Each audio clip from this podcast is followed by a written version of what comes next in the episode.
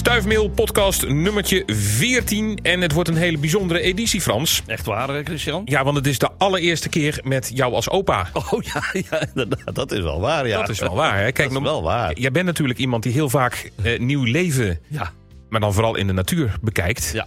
Als ik jou gewoon, kijk, als ik nou zeg nieuw leven, dan zeg je natuurlijk je kle- mooie kleindochter. ja, precies joh, dat is absoluut. Daar zit je de hele dag aan te denken. Dan kijk je de foto's weer naar die je gemaakt hebt. En dan zie je dat lachende gezichtje weer.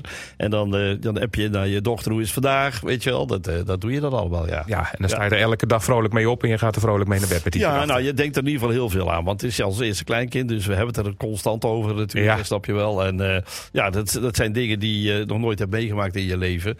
En dan heb je in één keer zo'n nieuw leven ook in je hand. En dat is dan, ja, dat is dan heel bijzonder. Ja, en, en nieuw leven, ik zei het al, je komt het in de natuur natuurlijk verschrikkelijk veel tegen. Ja, Dus ehm, ja, als ik dan normaal gesproken nieuw leven tegen jou zeg. ja dan zeg ik nu mijn kleinkind. Ja, nu je kleinkind. maar dan zeg ik nu van, ja, kijk, als je nu nieuw leven... Ja, de lente begint te komen, hè. Want ja, Heel langzaam. Daar zijn we heel langzaam mee bezig. Ja. En eh, de, de sneeuwklokjes die zijn al gemeld. Mhm. Eh, ik heb zelf al eh, de blaadjes van speenkruid uit zien komen. Dus het zal misschien vandaag zelfs wel lukken dat er wel eerste bloemetjes zal laten zien. Het is wat fris, maar de speenkruid die is ook wel wel hard. Mhm. En nou ja, dan, dan gaat de rest vanzelf dadelijk komen. En dan voordat we het weten, dan hebben we weer een, een, een lente in 2023. Maar eh, ja, het is nu fantastisch. En dat betekent dus de tijd vanaf nu. Ja. we, eh, ja, als, je- als je buiten bent, moet je alles in de gaten houden. De katjes van de hazelaar hangen er. De katjes van de wilgen zijn er volop bezig. Dus ja, het is nu genieten in de natuur. Want het komt allemaal opzetten. Het komt allemaal opzetten, want we hebben natuurlijk al, al stevige kou gehad. We hebben Ja. sneeuw gehad nog Ja. niet zo lang geleden. We hebben heel veel regen gehad. We hebben eigenlijk alles wat je maar kunt bedenken in de winterperiode hebben we ook al gehad. Ook hele mooie dagen. Dus de natuur, eh, ja, wij zeggen dan altijd de natuur is in de war, maar dat is eigenlijk niet zo. Hè? Wij zijn in de war wij zijn in de war, we raken in de war. En het is natuurlijk wel zo dat de, de biodiversiteit, eh, daar gaat het slecht mee. En dat er wel soorten zijn die dus dan of te laat komen omdat er dan al rups op zijn. Hè. Denk aan de oude vliegenvangers. Eh, of dat er soorten zijn die te weinig eh, zeg maar, nectar krijgen. Maar ja, de natuur past zich daar weer op aan. En andere soorten gaan dat dan weer opvolgen. Dus ik, ik, ben, ik ben altijd zo blij als, als, je, als je die lente ziet in Nederland. Dat dat dan toch weer laat zien dat er toch een aantal ja, vaste soorten en vaste kenmerken terugkomen. Maar we moeten wel oppassen, want eh, hè, verdroging staat nog steeds op de hoek te kijken. Ondanks al die regen. Ik wou het al zeggen, ja, we hebben ja, nattigheid genoeg gehad de ja, laatste maar het is tijd. hè? allemaal oppervlakkig in, in Brabant. Hè? Want het zakt zo de zandgrond in. Hè? De zandgrond is wat dat betreft heel lastig. Ja. Dus we moeten heel goed oppassen. En eh, nou ja, goed. eh, ik zou zeggen, begin ik nu al te roepen van... stem op de juiste partijen straks bij de Oh, van de waterschapsverkiezingen. want er moeten wel partijen zijn die zich hard maken voor het water in Oké, Nederland. ja, nou, maar we moeten ook wel passen. We moeten er geen politieke rubriek van maken. Nee? Daar zijn weer andere podcasts voor, hè? Nee, dat is weer wat anders. Ik zal een partij of niks noemen. Nee, maar dat is waar. Maar goed, moeten we- wel voor water opkomen. Goed, maar je zegt nu de, de zandgronden. Eh, eh, Oost-Brabant, dat is op zand. Maar in het westen heb je dan klei. Is het probleem daar minder groot? Je is, het in minder, westen daar komt? is het minder. Dan kan het water eh, zeg maar, wat beter ook vastgehouden worden. Hier moeten we vooral Oost- en Midden-Brabant. Want ja, tot aan de Brabantse wal is zandgrond. Ja. Moeten we dus nu met z'n allen zorgen dat dat water vastgehouden wordt. Ik heb ook wel begrepen dat heel veel organisaties dat ook al aan het doen zijn. Mhm. Die zijn dat water vast aan het houden. Die hebben de, de sluisjes dichtgezet. Die houden het lekker op hun land. eh lekker hun landschapjes. Lekker op hun stukjes natuurgebied. Dus we zien wel dat er heel veel gedaan wordt. Maar er moet nog meer gedaan worden. Er moet nog meer gedaan worden. Nou, elke week krijg je weer van alles opgestuurd aan foto's en weet ik veel wat en vragen. Maar er wordt ordinair ook gewoon een foto van stront opgestuurd. Dat wordt ook gedaan, ja. Dat, en daar heb ik er veel. Ik heb er nog een paar liggen die ik nog uit moet gaan zoeken. Omdat het allemaal, Foto's ja, dan, hè? Ja, die foto's, ja, de, precies. Ze kan het sturen, geen, ze ze lastig. sturen gelukkig geen monsters op, hè? Nou, Dat zou, misschien moeten ze dat toch maar eens een keer doen. Want weet je, ik kan Weet het wat niet je ruiken. zegt, hè? Ja, maar dadelijk sturen ze wat van opa op, hè? Dadelijk voor de grappen. Ja, dat zou wat als zijn. Dan denk ik dat het anders wordt. Nee, maar ik bedoel, het is lastig. Want je ziet dan zo'n zo'n drolletje liggen of een keutel. En dan vaak dan kun je toch wel weer een naam opgeven. Omdat je toch de vorm ziet. Mhm. Maar soms dan zijn het heel onooglijke foto's. Of dan zijn het heel onooglijke drollen of keutels. En dan, ja, Ja. als er dan geen geur bij zit, dan wordt het een stukje lastiger. Ook zelfs met prenten van in de sneeuw. Ook altijd erg lastig. Want mensen maken maar één foto van één prent. En dat, dat, ja, dat is dan heel vervelend. Want je moet er eigenlijk een, een serie maken. Dat je heel goed kunt zien hoe dat beestje loopt. En dan kun je pas ook heel goed zeggen. Maar goed, ik ga ze allemaal uitzoeken. Daarom. En dan komt een keer eh, een, een antwoord op eh, die vragen. Oké, want in dit geval had dus iemand... eh, eh, er was gewoon eh, ordinair bij hem in huis gekakt, hè? Ja, iemand? dat was, ja, dat was gewoon. Maar ja, dat gebeurt al vaker. Ik bedoel, eekhoorns, eh, marterachtige eh, vleermuizen. Die, die proberen in huizen eh, plekken te vinden. Omdat ze daar, ja, zeg maar, zijn holtebewoners. En ze leven dus in holtes. Ja. En ja, als dan een huis eh, eh, ergens een ruimte heeft waar hij binnen kan. Kijk, zo'n marterachtige heeft maar drie centimeter nodig. Die kruipt dan binnen. Zo en eekhoorn ook. En dat, Ja. dat gebeurt dan gewoon. Ja, in principe. Eh, kijk, is het zo dat de zoogdierverenigingen en ook allerlei zoogdierclubjes. die helpen die mensen heel erg graag om zo'n diertje eruit te halen. Want ja, je moet oppassen wat je mee doet. Eh, ze zijn, sommige zijn venijnen, kunnen goed bijten. Mm. andere, ja goed, met gif moet je dan niet werken, want dan sterft zo'n diertje. Maar er zijn heel veel organisaties in, in, iedere omgeving eh, die in feite daarmee kunnen helpen om dat diertje weg te krijgen. wat, wat daar dan zit. Dus ja. dat is wel heel fijn. En soms vinden mensen dus alleen de stront. En als je denkt van wat voor diertje was het nou, maak er liefst wat meer foto's van. Dan kan Frans er meer van zien. En ja, ja. je hebt het gezegd. Als mensen denken van nou ik stuur hem gewoon op in een envelop. Ja, dan mag dat dus ook. Dan mag dat dus ook, ja. Dan vind ik het op zich niet zo erg. Want eh, dan kan ik ook een keer ruiken wat het is. Want dat vind ik toch altijd wel prettiger. Dus, eh, maar goed, goed verpakt is dan wel belangrijk. Ja, precies. Maar mag het dan wel naar jou toe dat het niet hier allemaal in de brievenbus wordt gegooid? ja, dat mag ook naar mij toe, ja. Oké, nou ja goed. Je vindt vast wel ergens waar het Ja, kan, mensen vinden vast mijn adres overal. Oh, ja, dat is dat niet zo moeilijk. Nee. Goed, Frans Kapteins, Oosterwijk. Ja, dan, ben en dan is het genoeg, hè? Want dan weet de postbode het ook al. Dat denk ik ook Dan vinden ze het wel, ja. Goed, wat is er nog meer opgestuurd waar jij even ja, over nou ja, wat, wat leuk is, we hadden nog een vraag staan van uh, de paarse knollen, of de knollen van uh, Ad, Ad uh, zeg maar. Die, Adse knollen. Ja, Adse knollen, om het zo maar eens te zeggen. En er zijn dus heel wat antwoorden op binnengekomen. Uiteindelijk blijkt het dus de passiflora te zijn, of de, de passievruchtenstruik. Ja, want Ad had, had, had, een foto van een knol opgestuurd. Ja, en, dan niet, twee knollen. En die, die, ja, Geen paarden over voor de duidelijkheid, maar... Nee. Dus echt Andere knollen. Ja, hij noemde het knollen, maar het waren een soort vruchten. Ja. En er zat ook een steeltje aan. En uh, nou, het waren paarse vruchten. En ik ja, kon ze ook niet thuis brengen. En ook een aantal mensen, want iedereen begon te denken aan walnoten. Ja. Nou, dat dacht ik zelf ook in eerste instantie aan. Want de walnoten hebben ook, uh, als ze nog aan de boom hangen, heeft die vrucht zit nog in een soort uh, mooi huidje. En er zit ook zo'n steeltje aan. Mm -hmm. Ja, paars, dat kon ik niet verklaren. Want als een rotte walnoot is, dan wordt die zwart. Dan wordt hij niet paars. Dus uiteindelijk heb ik de vraag laten stellen op zeg maar de stuifmeel. En er zijn heel wat antwoorden gekomen. Ja. Ook veel mensen die ook over walnoten begonnen. Maar uiteindelijk blijkt het dan heel duidelijk te zijn dat het een passievrucht is. Hè, van de passiflora. En, maar dan in dit geval, de meeste mensen kennen de vruchten wel, maar die zijn groen.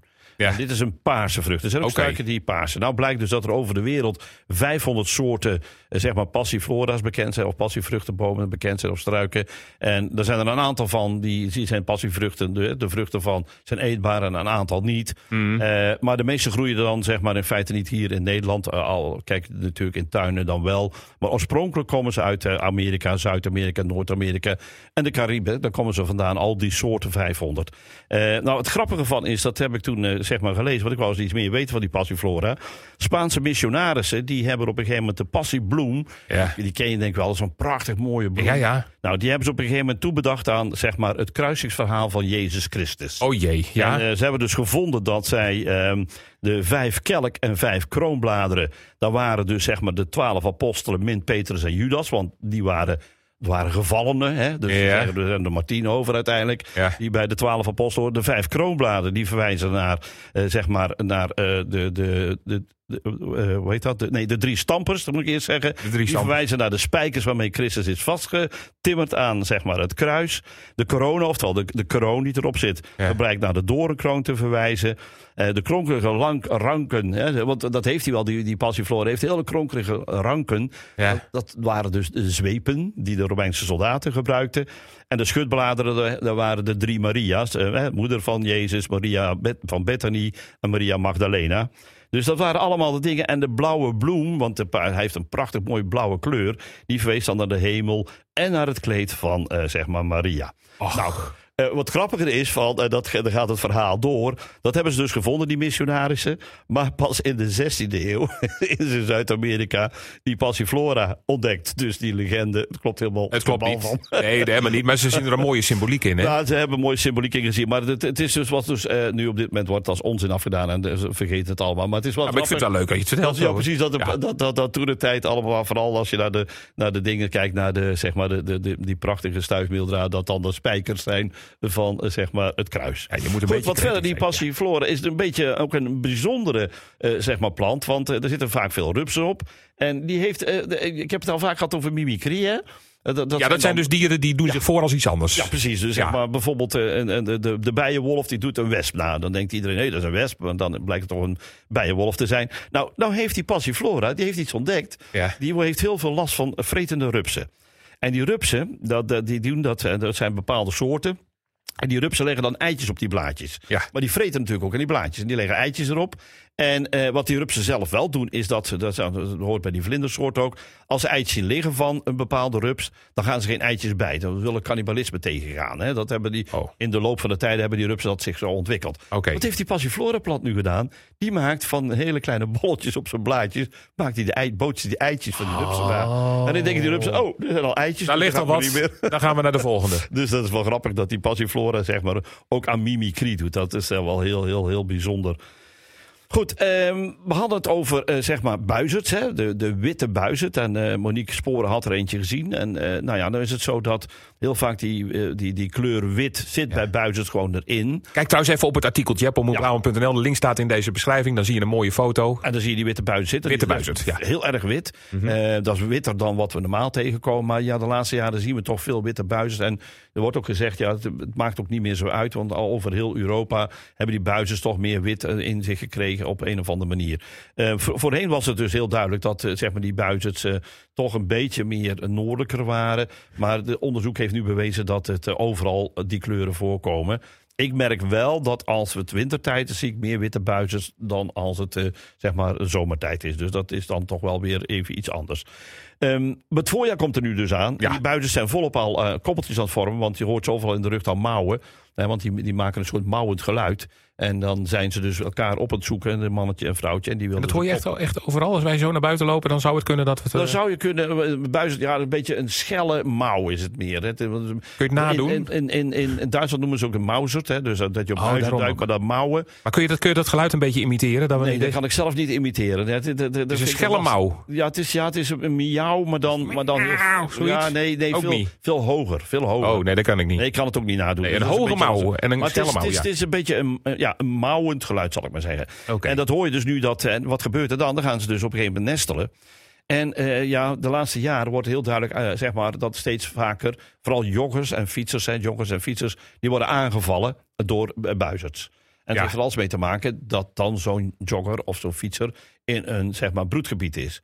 Ik merk over het algemeen dat dat gebeurt met mensen die van die felle kleding aan hebben. Oh. Blijkbaar uh, is donkere kleding. Ik heb, ik heb ook vals in zo'n bruutgebied gelopen. Ik loop dan, ik jog niet en ik fiets niet. Dan, en en dan, dan, dan gebeurt er niks. Maar dan heeft later hoor ik dat in diezelfde straat een jogger is aangevallen uh, door zo'n buizen. Waarom doen ze dat nou? Omdat ze dus die, die, die flitsende zeg maar, kleuren zien en ook dat felle lopen. Ja. Dat is voor hen een bedreiging voor een jong. Ze denken in mijn broedgebied komt iemand mijn jong stelen. Dus om dat, dat tegen te gaan, uh, gaan ze zich verdedigen. Nou, um, als je in zo'n gebied loopt, nou, dan kun je er iets tegen wapenen. Want uh, ja, het kan soms onverwacht zijn. Ja, dan, dan, dan, moet je, dan is het lastig. Zeker als je maar soms als je het weet, een bepaald, kijk, je kunt beter in zo'n gebied niet gaan lopen. Maar als je toevallig dan wel zo'n uh, buizend nest ziet en je loopt toevallig in het gebied. Ja, mensen weten het vaak ook helemaal niet dat daar een nest zit. Dus. Nee, dat is dus heel lastig. Hè? Maar uh, stel dat je dus wel het weet en dat je er wel achter bent gekomen. Kijk, als zo'n buis dan naar beneden komt, uh, moet je echt een flinke houding aannemen. Flink zwaaien met je handen. En dan schrikt dat beest daar weer vanaf en dan, dan valt hij okay. niet aan. Dus, maar mensen maken zich klein dan, denk ik. Als, ja, dan, moet je dan, dan moet je dan juist niet doen, hè? Nee, je moet groot worden. Je moet groot worden Juist, en je moet okay. flink zwaaien. Dan gaat zo'n buiten het gaat dan toch wel okay. jou, uh, jou niet meer uh, zeg maar aanvallen. Okay. Maar goed, het is beter dat je, dat je niet in zo'n gebied gaat rondsjouwen. Je kunt beter dan zeggen, oké, ik blijf weg uit het gebied als je van tevoren weet. Ja. Ik vind wel dat als bijvoorbeeld gemeentes aankondigen dat daar zo'n broedgeval is van een buizerd zeg nou niet, hè, de, gebruik nou niet de woorden terroristische. Oh, ik dacht alweer, de, horror, de horrorbuizerd valt weer aan. Nee, alsjeblieft, gebruik dat nou niet. Want die buizerd verdedigen gewoon alleen zijn eigen zeg maar, nestgelegenheid. Alleen zijn eigen jong. Juist. En, uh, dus, Wat jij ook met je kleinkind ja, zou precies, doen. precies, ja. Alleen ik val niet aan met mijn klauwen naar voren. Nee, dat is waar. Maar nog even dus de tips van als je dus gaat joggen bijvoorbeeld. Ja. Of gaat fietsen in een gebied waar misschien wel zo'n nest is. Ten eerste, als zo'n beest op je afkomt, maak je groot. Groot, breed en zwaaien. En zwaaien dan, en, en niet klein maken, wat misschien je eerste gedachte is. Want dan denkt hij van nou, nou heb ik je. Ja. En de kleur van, van de kleding dus. De kleur van de kleding is denk ik ook bepalend. Het is niet, het is niet 100% bewezen. Maar ik merk wel dat als donkere kleding mensen langslopen, dan doet hij, doet hij niks. Dan ziet hij, dan dus in donkere kleding doet hij niks? Ja, dat, dat zie je gewoon gebeuren. Ik ben verschillende keren in, in gebieden geweest waar dan die buizen nestelden. En ik, ik heb nog nooit aangevallen. Ik heb altijd donkergroene kleding aan. Maar eh, mensen die dan felle kleding aan hebben, ja, blijkbaar is die felheid en die kleuren, is dat voor een buis een waarschuwing ja. om aan te vallen. Maar dan gaan sommige mensen ook juist weer joggen juist met zo'n gele... Dat ze, als het een beetje donker is, dat ze niet worden aangereden. Nee, precies. Dus ja. Nou ja, in, in donker uh, valt een buis het vaak niet aan. Ja, in de schemering. Daar is, in de, dat, ja, dat, dat, is het moeilijke ervan. Dat is het moeilijke ervan. Maar als je weet waar een buis het nest zit... Dan loopt er maar een ander rondje. Precies. Maak een ander rondje. Nou, goed. Goede tips weer. Nou, dus, uh, en dan had dus Suzanne uh, IJzerman... die had een vreemde eend gezien in, in, in, okay. in, in, de dingen. Dat vond ik ook wel leuk, want het gaat weer over kleuren. Ja. in dit geval, vorige keer in Stuifel hebben we dus de mandarijn eend behandeld. Dat was een hele mooie eend die ook een hele mooie kleurtjes heeft. Maar nu is de Caroline eend. Je moet straks maar eens op, als je tijd hebt, op Stuifel website kijken. Dan zie je het beestje, heb ik het een mooi plaatje afgebeeld. Het gaat wel om het mannetje. Het vrouwtje is gewoon egaal bruin. Dus daar zie je niet. Dan heeft wel een mooi witgerand oog. Maar verder is ze mooi bruin. Maar die, uh, die uh, zeg maar die uh, Caroline eend, dat is wel heel erg grappig. Die heeft namelijk een wetenschappelijke naam. En daar heet hij dan zeg maar Annas sponsa. En het heeft dus uh, in 1758 heeft dat Carl Linnaeus, dat is de man die al die namen heeft gegeven. Hè, dus de voornaam en de achternaam, zo heet dat dan vaak. Hè. Ja. Want uh, je hebt dus Annas is in dit geval de voornaam en het soortgenaam is dan uh, die sponsa. En dat betekent in feite verloofde of bruid. Dus okay. dat is heel grappig. Dus als je zo'n kleurrijke Carolina eend voorbij ziet gaan, dan moet je ook denken aan een bruid of een uh, verloofde. Uh, uh, hij was bijna uitgestorven, die eende soort in Amerika. Want er werd heel veel op gejaagd. Natuurlijk wel ja, makkelijk om zo'n beestje te pakken, want het heeft heel veel felle kleur. Dus je ziet hem ook. En het schijnt dat het vlees ook nog lekker is. Maar uiteindelijk hebben ze in een oorspronkelijk leefgebied in Noord-Amerika hebben ze hun best gedaan. En is hij dus zeg maar weer beschermd geworden. In 1985 is voor het eerst uh, de Carolina eend hier En nu zie je regelmatig op plassen, vijvers en zo zie je uh, Caroline eenden, eenden voorkomen. Niet zoveel als mandarijn eenden. En dus uiteindelijk zijn er nog niet zo heel erg veel.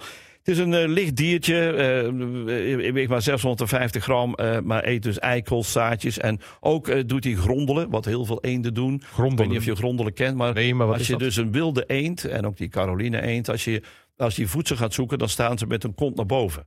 Met je kop naar beneden. Oh, ja, ja. En dat heet dan grondelen. Zwanen oh, doen dat, ook, hè? Ja. Zwanen, dus je forse lichaam, zie je ook die kont naar boven toe. En dan is de rest beneden om algen te pakken en waterplantjes te pakken. Om dan uh, zodoende te eten. Uh, het zijn origineel, net zoals onze wilde eenden, eigenlijk holenbroeders. Dat weten veel mensen niet, maar eigenlijk zijn wilde eenden, ja. en ook in dit geval dus de Caroline eenden, zijn holenbroeders die vroeger in holtes in bomen zaten. He, dan vlogen ze omhoog en dan gingen daar de. En dat was ook de beste verdediging. Vandaar dat dus nu heel veel wilde eenden vaak hun ja, eieren kwijt zijn. Want vossen, katten, honden, alles zit op die eieren af te gaan. Wel, vroeger kon dat niet, hè, voorheen. Eh, want heel lang geleden. Want dan zaten ze gewoon in nesten boven in bomen. Uh, ook onze wilde eend en ook die Caroline eend. En, en doen die Caroline eenden, die zoeken nou nog steeds een beetje die holtes op. Vandaar dat die ook niet zoveel nakomelingen hebben, want die broeden nog niet op de grond. Um, en wat gebeurt er dan als zo'n zo, zo, zo beestje uit zijn eitje komt gekropen? Ja, dan moet hij naar beneden toe. En dan is dat, uh, ja, wat we wel diverse mooie uh, films zien op, op, op, op, zeg maar op tv. Dan komt zo'n eentje en dan butst hij zo naar beneden toe, butst een keer omhoog en dan loopt hij gauw verder naar het water toe. Maar het zijn dus eigenlijk holenbroeders. Die dus eigenlijk in feite uh, hun nesten in holen hebben. Dus dat is toch wel heel bijzonder dat dat uh, in ieder geval niet meer uh, gekend is van onze eigen eenden. Maar de Caroline eenden doen dat nog ja, wel. Wat ja. leuk. Nou, we hebben tijd voor nog één diertje. Voor één diertje. Eén diertje kunnen nou, we één diertje nog. Eén diertje um, nog. Ja, dan moeten we het hebben over, uh, zeg maar, eigenlijk in feite de tuinslak. De die, tuinslak. De tuinslak, die dus zeg maar Um, ja, vermoedelijk uh, op dat fietspad is doodgereden. Oh, je hebt een foto gekregen? Zeker. Ja, je kreeg een foto van een soort van vlek. Iemand vroeg ja. van, wat is dit nou weer? ja, ja, precies. Ja. En dit was een slak. Ja, dus je dit... kunt dus zien dat er een beetje op het einde een, een, een soort, ja, zeg maar, halve ronding zit. Dus dat lijkt me een beetje op een, uh, op een, op een, op een, een slakkenhuisje. Maar het kan ook, uh, zeg maar, uh, iets zijn van de naakslak.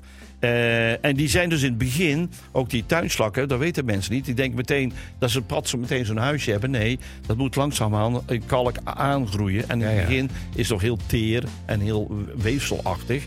Dus vandaar dat uh, dat misschien is. Dus ik ben benieuwd of andere mensen daar andere uh, zeg maar uitkomsten voor hebben. Oké, okay, ja, uh, maar dat, weet het niet 100% zeker. 100% dat... zeker niet, maar ik denk het wel. Ik denk dat het een slak is met een huisje. En dat die dus niet meer slak met huisje kan worden, omdat die dus plat Ja, plat gereden is. Zonde, hè? Zo gaat het af en toe ook. Hè? Ja, ja. ja, tot slot, ja. En als mensen vandaag nog even naar de podcast luisteren.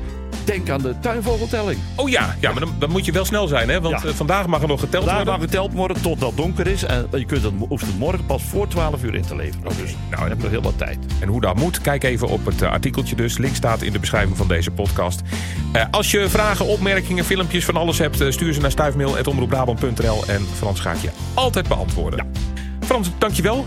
Nou, graag gedaan. Ga je je kleinkind nog bezoeken deze week? Ik, ja, deze week zeker weten. Oké, nou, zeker weten. Oké, nou doe de hartelijke groeten. Zal ik doen. Frans, tot volgende keer. Tot volgende keer. Houdoe.